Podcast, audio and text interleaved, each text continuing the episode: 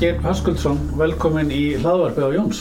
Já, takk fyrir að hafa mig. Það er bara mínir ánægn. Hérna markastjóri Dúhó. Já, það passar. Það er ennski frambörðurinn. Já. ég hérna lendi í smá gildir og sagði Dúhó náttúrulega. Já, þú ert ekki fyrsti, sko. Nei, Ég, það verður ekki síðasti. með, Mér langar að fá að vita svolítið um mannin. Hvað hefur þú verið að starfa við svona undanfærin ára áður en þú kemur til Dúhó? já, ég er svona farið um viðan öll. Uh, veit ekki hvort ég er bara að byrja sjálfum mér, sko. Já, endilega. Uh, ég bjó lengi vel Erlendis. Ok, hvað?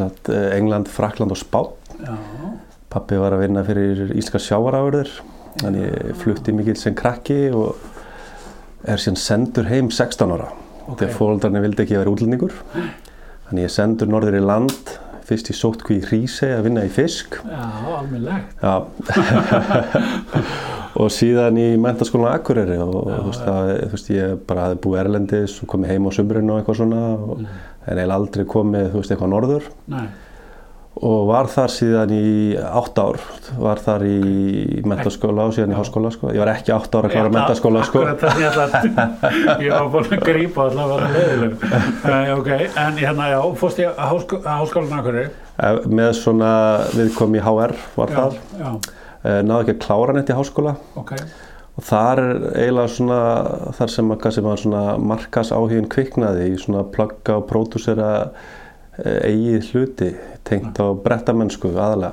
já, bretta eins og snjóbrettið Já, ég Já. var formaður brettafélags Íslands Mm. og rak mjög stór og vinsæla bloggsíðu eins og var vinsælt á þeim tíma. Já, og fór síðan í að framlega brettamyndir ok, fyrir ungu efnilega stráka sem eru síðan mér atvinnumenn, Eiki og Halldór. Já, og svona í gegnum það þá fekk ég vinnu hjá heilsalæðina í, í Reykjavík já, eh, að sjá um vörumerki fyrir eh, hann ok. sem var tengt svona þessum bretta lífstíls heimi mm og þetta var svona pínu svona klassíst íslenskt bara læra með því að gera. Já, akkurat. Svona kla, klassískur svona íslenskur markasreddari eitthvað og síðan því ég var í þessu starfi og bara eignast mitt fyrsta barn og kaupið minni íbúð og bara komið svona í pakkan hérna í, í Reykjavík Uh, þá sá ég auglýs starf hjá íslenska fattamerkinu Nikita.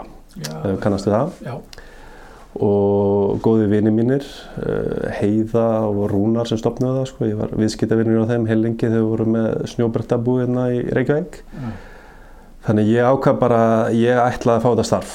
Já, og bara sendi beint á Rúnar og bauði sjálfur mér í viðtal og var ægilega kokki og, og svona fekk starfið ok og síðan því ég settist inn á skrifstofuna þá svona rannu fyrir mér að ég vissi ekkert alveg nákvæmlega hvað ég væri að gera og var rosalega hvað sem er svona meðveitaður um eigið óöryggi í, þessu að vera komin allt í hennu bara í alþjóðlegt markasumhverfi mm. en þó tengt hlutum sem ég þekkti, þú veist, Já. lífstíls, brettabransir og allt það sko. Uh, þannig að maður þurfti pín, maður þurfti að læra þetta fljótt sko. og ég var þar í átta ár. Ok, og það var svona eiginlega minn markaskóli myndi ég segja. En svona, ég byrjaði þar sem markasfulltrúi og endaði sem markastjóri yfir öllu batterínu mm og náttúrulega þegar eh, mest var þá vorum við að selja í 30 löndum í 1500 veslanir þannig að þetta var ágætlega, orðið ágætlega stórt batteri Já.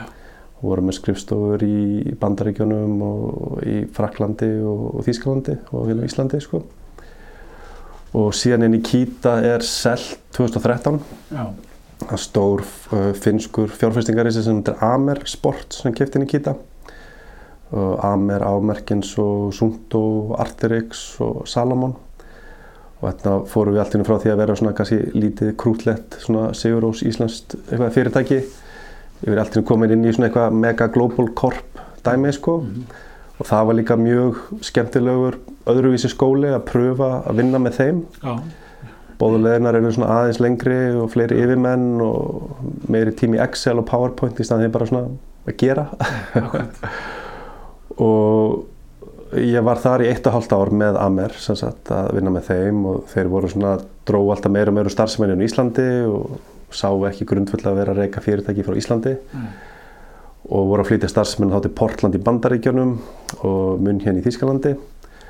Og ég var í svona grunnviðræðum við þá að flytja, gerast vörumerkja stjóri fyrir Amer innan þessara samsteipu uh, út í Portland eða München og það var eitthvað svona í göttinu mínu sem saði að mér langaði ekki til þess, ég var ekki fíla þetta nógu vel.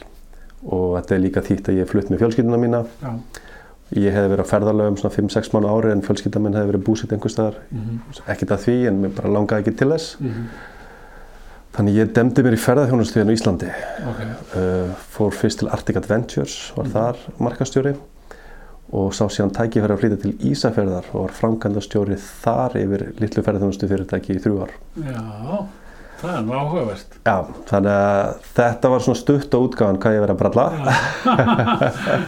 er, ég held að þetta er fyrsti sem kemur í viðtal sem er búið á Ísafjörði, sem ég man eftir. Já, ok, Það- ég mæli með því, það er frábært að búa þar sko. Já, ég kannast svolítið við Ísafjörð, þannig að hérna, já, spennandi. og það er líka alltaf skemmtilegt sko, því sagði hérna aðan, ég bjó 8 ár á Akureyri Já, og, og þú veist, það er svona staður á Íslandi sem ég en það er engin á Akureyri sem er nokkuð tíman gúttur að það að ég sé Akureyringur eða frá. Akureyri nei, nei, að ég kem vestur þá sé allir við mig velkomin heim já, velkomin heim. Nákvæmlega. Já, ég, ég er að tengja það. Ég er með eina smá forveitni, hérna, skíðabretta, nei, jú, áhugin, e, veist, var hann komin áður en komst að Akureyri, hvernig er það á Akureyri? eða? Nei, ég, ég uppgöta snjóbretti Snjóbrett, Já. skíðabrett, þetta hljóma eitthvað skringi. Já, ákvæmlega, sko, þetta, var kallað skíðabretti Já, fyrst snjóbretti. ef maður fer á tímarit.is þá eru auðlýsingar frá kaupfélun og blöndósi yfir skíðabretti eitthvað svona sko.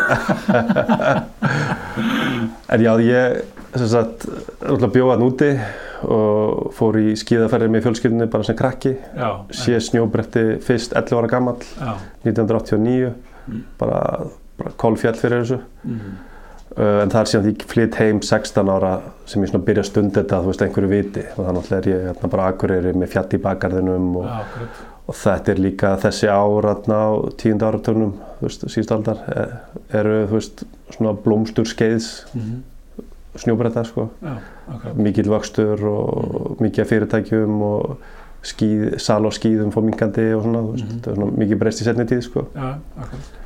En segja mér hérna, smá forveitinum, hérna svona markasetningu Nikita á þessum uh, árum sem þú varst þarna. Hvernig, nú er þetta pre-social media og, Ja, þetta er svona mörkunum sko, Já. við náttúrulega, þú veist, ég byrja að læra á markasetningu á samfélagsmennum bara MySpace já, akkurat. og þetta er náttúrulega bara eins og öll markarsvæði, þetta er miðlun og upplýsingum sem bre breytast tólinn hvernig þú, þú miðlar þessu.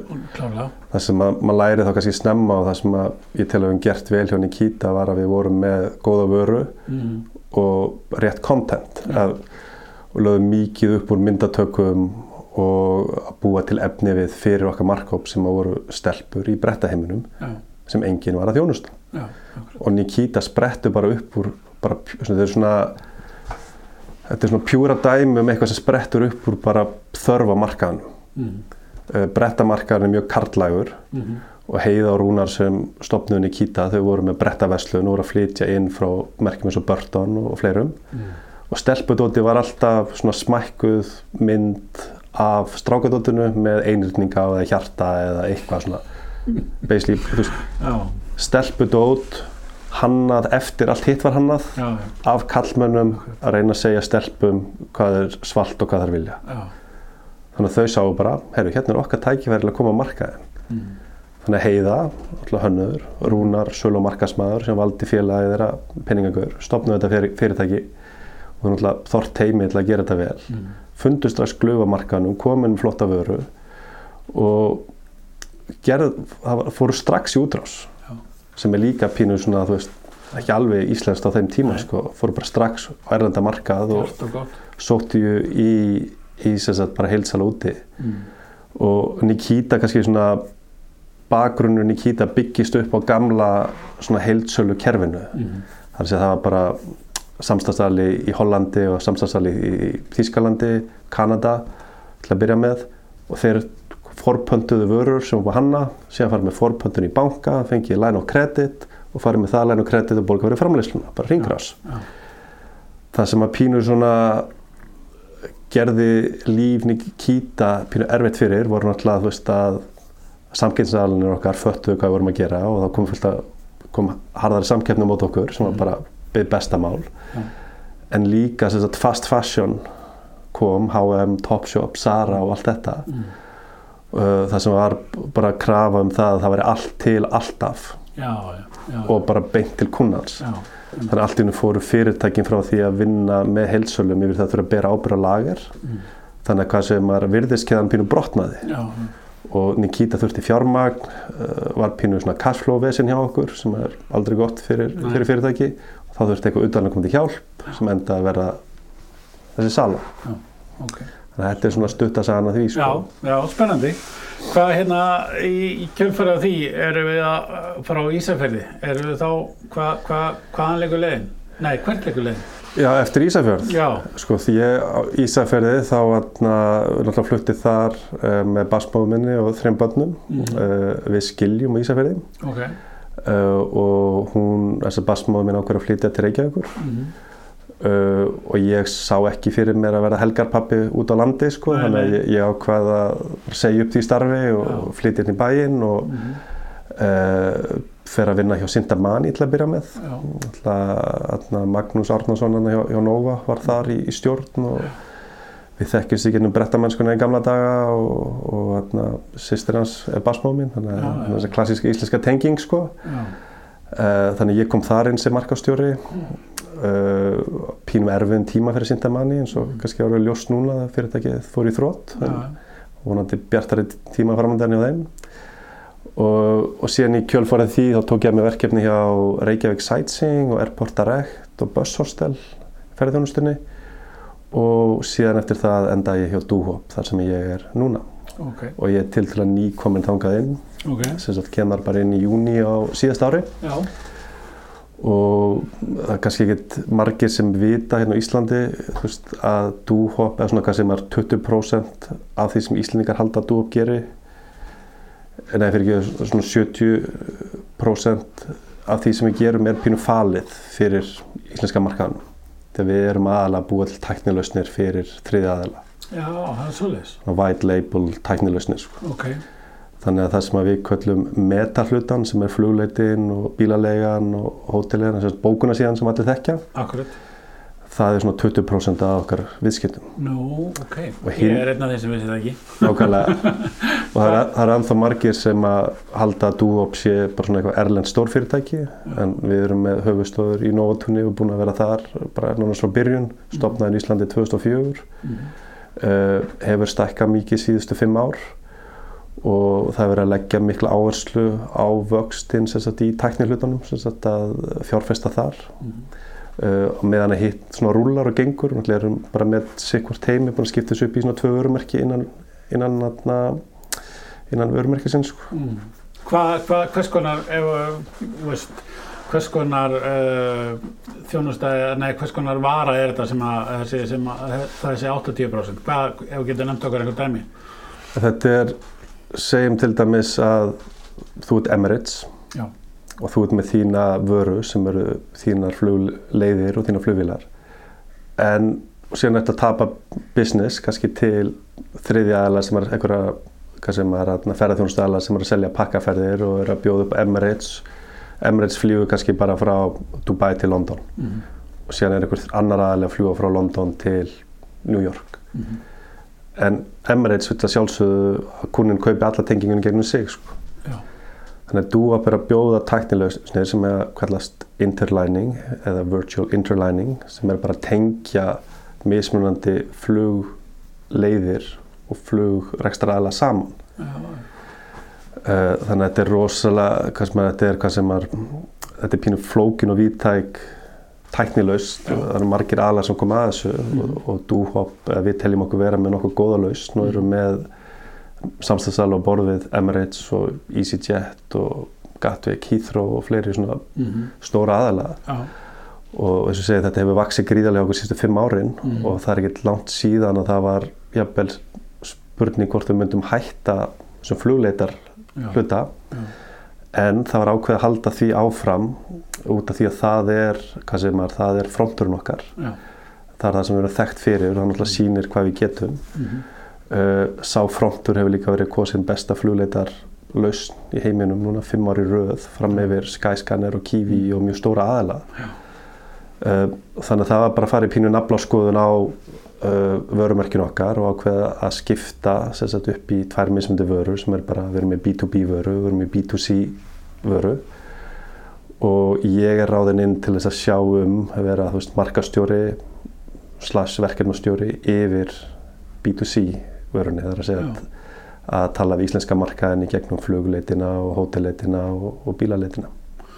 Og það hefur ekki komið til tals að hitt verði bara annað fyrirtæki eða?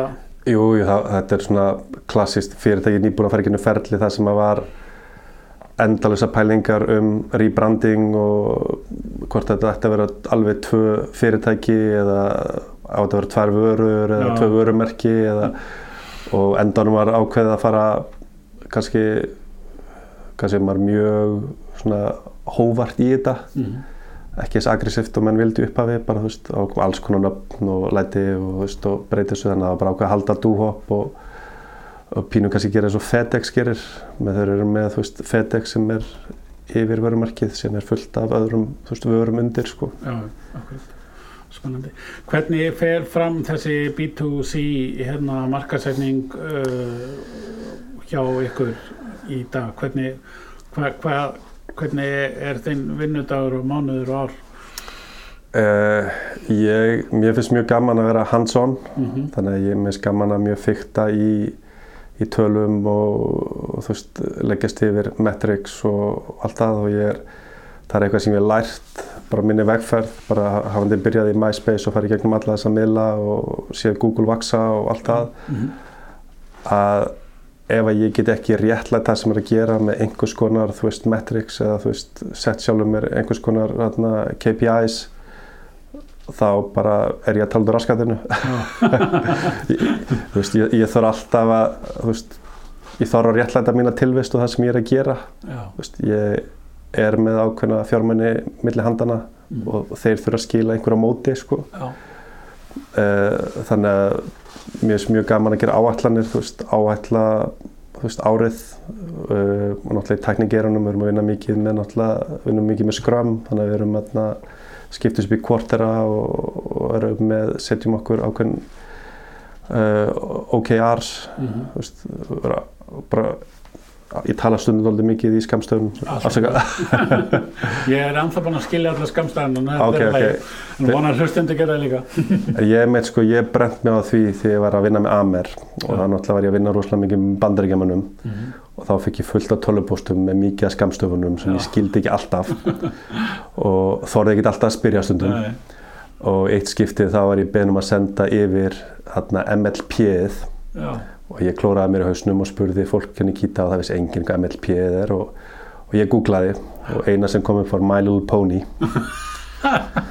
Og ég var í smástund að spá ég að senda mynda My Little Pony sko en, en ég ákvaði ekki að gera það en ég ákvaði að spurja og MLP er Master Line Plan Já, ok. sem heldar yfir sín yfir vörulínuna sko. Það er gott, ég, þá veit ég, þá fyrir ég ekki að leta að mynda Pony eða ennum með þengum tíma, það er gott. Þannig að ég er núna sko ég er að koma inn til Dúhopp og það er rosalega mikið forröldurum og mikið að, þannig að ég er líka að frammi fyrir rosalega mikið að skamstöfunum og það er stundum kannski sama skamstöfun fyrir eitthvað sem er í markaseiminum sko, þannig að ég er bara bara rosalega dúlur að spurja sko já, og það, það er alltaf að vera, vera heimskur, maður kann ekki allt sko. Nákvæmlega, það er alveg bara allan daginn mitt mót sko, það verður ekki að þykjast kunni eitthvað að skilja eitthvað sem þú skilur ekki sko, það er, það, það er mikil mistök. Já. en hérna aftur af B2C markasetningu þannig að Já. þetta eru kannski helst svona uh, bara hérna internetið sem þetta nýta er Já við náttúrulega erum með vöru sem að þú veist varan og fronturinn okkar er online þannig að það er að leiðandi fer mest markasetningin uh, hún er mest megnist þar sko mm -hmm. í, í sambland við annað að sjálfsögðu við náttúrulega erum, höfum verið að kera ímyndaherrferðir og alls konar í, ja. í, í gegnum árin uh, ég hef aðeins verið að strömlínulaga og greina sín í kominn uh, fór í samstarf við uh, DigiDo mm -hmm. til að fá svona bínu fersk augu utan frá þú veist á tólið okkar ja. við erum með mjög flott forögnateimi Eh, þannig að það er að segja að veist, við getum breytt og laga vöruna fljótt mm -hmm. en verkefnin eru náttúrulega rosalega mikil og stór þetta er, veist, þetta er rosalega stór og flókin vara Já. uh, þannig að við erum pínu núna veist að vinni því að strömlenilegan og betrum bæta sagt bara na, upplifun neytendans gaggat Já. vörunni sko þannig að hún, hún virkinn svona á að vera Já, Uh, það er gríðarlega traffík inn á dúhop og hefur alltaf verið sko þetta er uh, þú veist þarna þannig að það er greiðlega fólk að nota dúhop Mm. en það sem við höfum verið að sjá er að fólk er að nota dúhop meira sem browser það er kannski ekki að klára kaupferlið í, í gegnum dúhop hvað svo sem veldur því Já. en þetta er líka pínu trendið með aðra síður sko Já. fólk er, þú hérna í Íslandi þú leitar einhver gegnum dúhop ok, já þetta flugfélag er að fljúa þarna og þá ferðu síðan kannski beint já, já, en þú getur um einfaldan hátt klára allt í gegnum okkur sko. þannig að það er spurning hvort við þurfum að uh, bara upplýsa okkar kuna betur um, um hvernig þessi ferlar virka sko. uh, og síðan náttúrulega bara þurfa vörur eins og dúhopp að þróast með markaðanum sko. Og markaðurinn breytist og, og hvað segir maður uh, notenda hegðun fólks breytist og Mm. bara það er yngra og vitara fólk sem hefur alist upp með öllum tæknilausnunum sko, sem já. kann og veit allt, allt betur sko. Já, það, það er þá þitt markmið er kannski er að ná í þess, þá sem er að nota vefin, notendunar sko, he, he, eins og hótelin, bílalegunar og hérna flugfélagin, það er bara eitthvað sem þið tengið við ekki, þú þarft ekki að ná í þá Nei, við náttúrulega erum uh, með alveg fjöldan allan af samstæðsalum sem eru að tengjast okkur sko, uh, þú veist, í gegnum alls konar samninga og þetta eru bara prósendu samningar sko, uh, og það er misjant hvernig þú kaupir vöruna, hvað við erum að fá út úr því. mm -hmm. Dúop var strax með skýra stefnu að við myndum, að við myndum vilja bjóða upp á bara sem bestu flugleitina sem valir á. Já. Þannig að það er fullt af flugfélögum sem við erum að vinna með sem fáum ekkert út úr. Nei, Bara þeir eru það stórir og já, að þeir segja við okkur bara nei, bara, þið fáið núl. já, En við segjum samt, jú, við viljum hafa ykkur út af því að það er betra fyrir notendan. já, akkurat Og þá lítum við svo sem á að notandinn nota okkur frekar og þá eru meiri líkur að það skilir sér einhverja prósentar einhverjar annar staðar. Já, akkurat Og síðan er endur eitt spennandi sem við erum að fara að setja í gang uh, vonandi næsta mánuði Ok og það eru pakkaferðir. mm. Fyrsta skipti á Íslandi myndu geta borið saman pakkaferðir. Ok Hvernig fer, fer það fram? Það er bara sama, við erum að fara að vinna með pakkaferðabyrgjum út um allan heim. Uh, Þannig að það náttúrulega er fullt af góðum fyrirtækjum í Íslandi sem verður búið, búin að bjóða upp alls konar pakkaferðir frá Íslandi, það er íslenski byrgjar. Mm. En íslenski markaðarinn hefur kannski ekki haft einskóða, sem er, uh, einskóð aðgengi að erlendjum pakkaferðabyrgjum. Já, Þannig að þarna eru við, segjum að þið langi bara að fara til Brasilíu. mm. Ok, maður veit eitthvað um Brasilíu, þú veist, Mm. en maður veit kannski hvað pakkaferðir eru í bóðið þar eða Nei, nei. hvaða ferðarskistofur eru þar. Mm. Og þarna getur við bara leitað af pakkaferðum og pantað þá flug og hótel og bílaugbíl. Allt í sama pakkanum Já, og hagstafinn kjörum. spennandi Þannig að þetta er eitthvað sem er bara verið, þú veist, þetta er bara í de- development. Uh, við setjum ekki neitt fram nema að sé búið að testa það í döðlur. Sko. já, akkurat Það er eitthvað sem maður læri bara af, að, þú veist, Já, já Eitthvað hérna á vefnum Dohop Protection einstök ábyrg frá uh, Dohop þar sem notendi geta bókað einu miða ferði sem með fleiri en og svo framvegis. Já, það er eitthvað sem að, eh, er líka svona spennandi eða þetta er eitthvað sem að við, við þróum með EasyJet. Uh, og það er sko hvað sem er, þetta getur verið pínu flókin heimur þegar kemur að bótaskildu farþega. Mm uh, oftast ekki flókið út af bókir um einn aðala segjum þú bókir í gegnum ferðarskrifstofu bara þrjúflug mm. og þá náttúrulega er ferðarskrifstofar ábyrg og en ef að þú ert að bóka þitt flug mis, þrejum mismundi flugfélum alveg sjálfur eða sjálf þá getur þetta flækst Já. og þá náttúrulega er hægt að kaupa alls konar tryggingar og við, þetta er bara veist, eitthvað sem við hefum bóðið upp á uh, sérstaklega þá með EasyJet sko. Mm. þannig að það er þú ert að kaupa flug með EasyJet og sen kannski flýgur áfram í United Airways eða Mhm. Emirates einhverjum sko. Mm. þá áttu tryggður fyrir því ef að flugið senkar Mhm. því að, flugfélagin tala ofta ekki saman sko, þú veist, Emirates er alveg sama ef að, veist, EasyJet var sein sko, bara ekki okkar ábyrða Nei, nei. þannig að þá ert, uh, er það okkur trygging fyrir það að, veist, að það fari ekki allt bara í vaskin og þú þurfur að kaupa nýtt, nýtt flug Já, spennandi. Kólefnisjöfnun. Já, við erum mjög stolt af því. Uh, og það er eiginlega, þetta er svona, ég fekk þetta upp í hendunar, þetta er eitthvað sem var byrjað þegar ég kom inn en fekk svona heiðurinn að klippa borðan pínu. Ok, frábært. og, og við erum að vinna með mjög skemmtilegu fyrirtæki sem er Íslands, þetta er Tremember Me. Ok. og þeir eru að vinna með skórækt ríkisins. Mm og, og við erum sagt, bjóðum uh, okkar kunnum að kólefnisjafna öll sín flug. uh, bæta þannig flugvitund við viljum frekar fara jákvæða leðina og kalla þetta bæta flugvitund heldur en flugviskubitt Já, akkurat. og þú gróðst við trénu í Íslandi uh, fólk gerir þetta á kostnaðaverði við erum ekki, þú veist, taka reyna prósendur þetta er ekki gróðrasjóna með Nei. uh, við teljum að þetta sé bara góði viðskiptahættir í dag Já. að gera þetta Mhm. ég held að neytandin mun hann er nú þegar, það mun vera ríkari krafa um samfélagslega og umhverfislega ábyrð á fyrirtæki Mhm. og krónan í Íslandi sé besta dæmið um, um þetta sko. Já, akkurat. uh, fólk mun vesla og velja hver peningarnir fara út frá þessu meir í framtíðinni Já. og sér held ég að ferðaðinaðurinn bara í náinni framtíð ver, það verður sett reglur og, og lög varðandi þetta sko. Já, akkurat. þannig að því fyrst við erum að byrja á þessu út af því að þetta er náttúrulega bara þetta er fyrst og fremst bara síðferðislega rétti hluturinn til að gera Akkurat. en þetta meikar líka bara þú veist business sense að gera þetta Já, akkurat.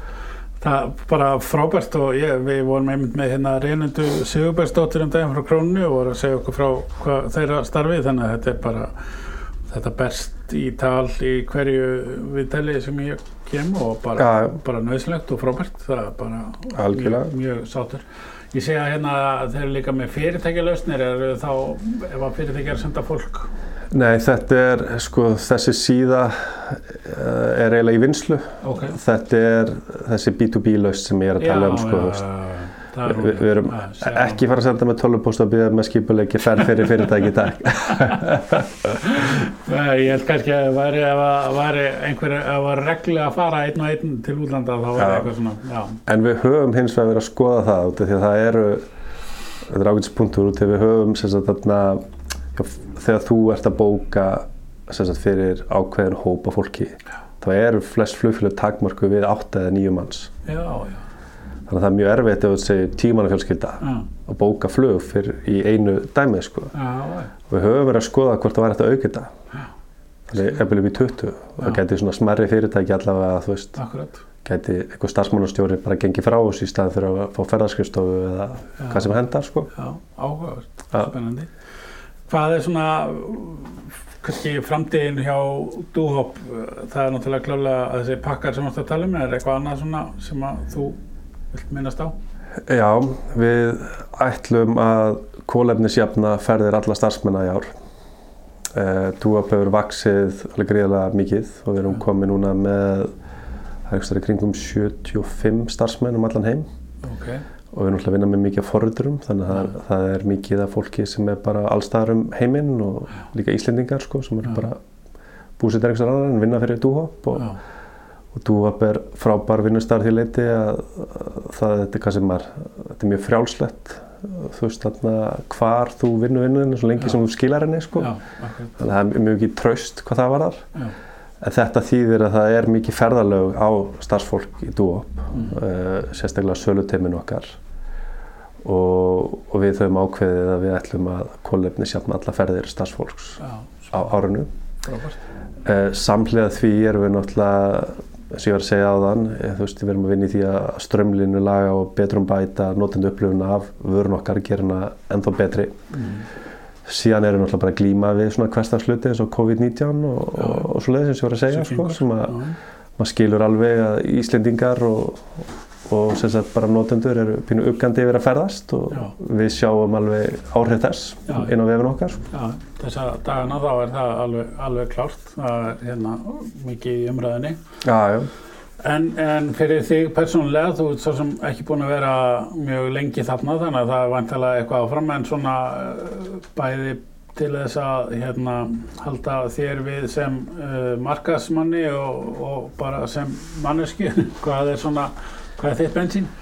Uh, sko fjölskyldan, uh, kona mín, mm uh, snjóbretti. já, Ég er alveg, þetta er svona mín... mín, þá fara bretti. já, þetta er mín mesta fíkt sko. Já. Ég er þarna, ég lifa og hræðist ennþá í þessum heimi sko. Já, og hef svona tekið af mér lítil verkefni, veist, bæði sem leiðsögumadur og í svona framlýslu á brettaefni og svona. mm, og eins og ég sagði, ég man einhvern veginn komaði hérna á en ég framleiti hérna brettamyndir já, uh, hvað er að vera núna 20 ár? Ok. já, á, 20 ár. Þannig að við vorum jafnvel að spá í endurgefa út myndinar Já, þær eru á Vaffa-spólum og DFT einhver staðar. Akkurat.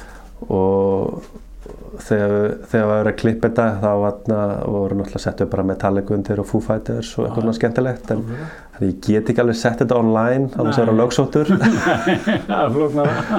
Þannig að við erum að spája að framlega þetta í og gefa út eitthvað svona limited edition USB drifum, svona að fara svona einhver old school eða þessu. Já, ok. Spennandi. En það er já, þú veist, útivistinn og fjallamennskan, það er svona mitt bensín og mín hugleisla. Ég, bara þegar ég er aukstar upp á fjalli og renna minni upp brekku, þá tæm ég hugan. Já. Þannig að þú hérna nýjustu trend og, og aðferðir í markasvæðinni kynur þér bara kannski jafn áðum í vinnunni þú þarfst að nota það. Já, sko ég hef alltaf, alltaf lesið rosalega mikið Mm. og ég bara reyni eins og ég get að lesa, þú veist, alls konar bækur tengt markarsfræðinni og jafnvel, þú veist, ótengdar bara, þú veist, Mm. sjálfshólp hjálpabækur sem er líst á eða, Mm. eða eitthvað sci-fi eða eitthvað, þú veist, ég held að sé, maður getur nýtt alls konar. Já, Uh, síðan hef ég bara haft gott fólk í kringum mig, sko, sem ég hef lært af, sko. Og eins og segir þessi árhjónin Kíta voru alveg ómetanleg í bara að læra því að gera, sko mm. Og ferðast um heiminn og taka þátt í einhvers konar svona míní-góðæri hva, hvað það var þar sko, já, sem var alveg frábært sko. Já, ég trú því. Hvað finnst þér um svona, fylgistu mikið með svona markas, svona, hvað ég segja, markas, uh, hvernig fólk er að sjá um markasetningu á sínum fyrirtækjum í, í, í kringuðu hérna í Íslandi? Já, að sjálfsögðu sko, ég er, náttúrulega fylgist með því og ég er alveg gín keftur fyrir, þú veist, góðri já. alveg klálega sko. Já, og það er, mur, það er bara alveg frábært með að hvað Ísland er lítið land í, þú veist, allavega íbúalega séð. Mm uh, hvað það er mikið af flottum vörumerkjum hérna á Íslandi og bara búið að byggja upp mikið af flottum þú veist, eh, bara, bara ímyndum í kringum svo fullt af vörumerkjum hérna þú veist, Já. og CCP, Marel, Össur, mm. Nova, innlendamarkaðin, sko, Krónan og veist, það er endalega stæmi og Já. það er rosalega mikið af flottum markasfólki á Íslandi og ég heldur Mm. að við höfum bara verið stolt að því, sko. já, ég verður nú að vera að samla því, sko. Já, það er spennandi. En er hérna, heldur þú að, að hérna, það sé kannski jafnvel betri lausna að fara í dempa sér í djúbulögina og læra markasmálinn bara on hand eða að frekar að fara í háskólan? sko það, þetta virkaði fyrir mig Já, En það er eitthvað sem ég lært í lífunu þá er engin ein rétt leið frá A til B. Það er svo renninu við fjall, það er hægt að fara þessa leið eða hína leiðina og það er ekki allt réttast. nei. Þetta er bara misjánt. Mm Og ef það er eitthvað sem ég þóla ekki það eru alhæfingar og, þú veist, og ef eitthvað sem er með tilangur í markarsvæðina það sem er algilt í dag er orðið úrælt á morgun. Akkurat, Uh, tólin og tækin breytast, já, markarum breytist, trend breytast, þetta er allt breytingum háð. já, við þurfum að vera tánum. Uh, við þurfum að rýna í gögn við þurfum að lesa okkur til, við þurfum að betrum bæta.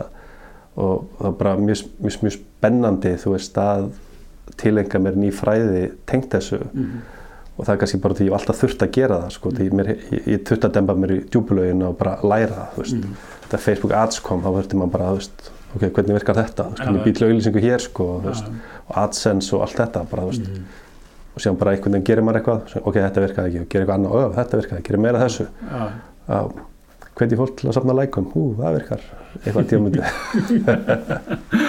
like og deila. Já, já,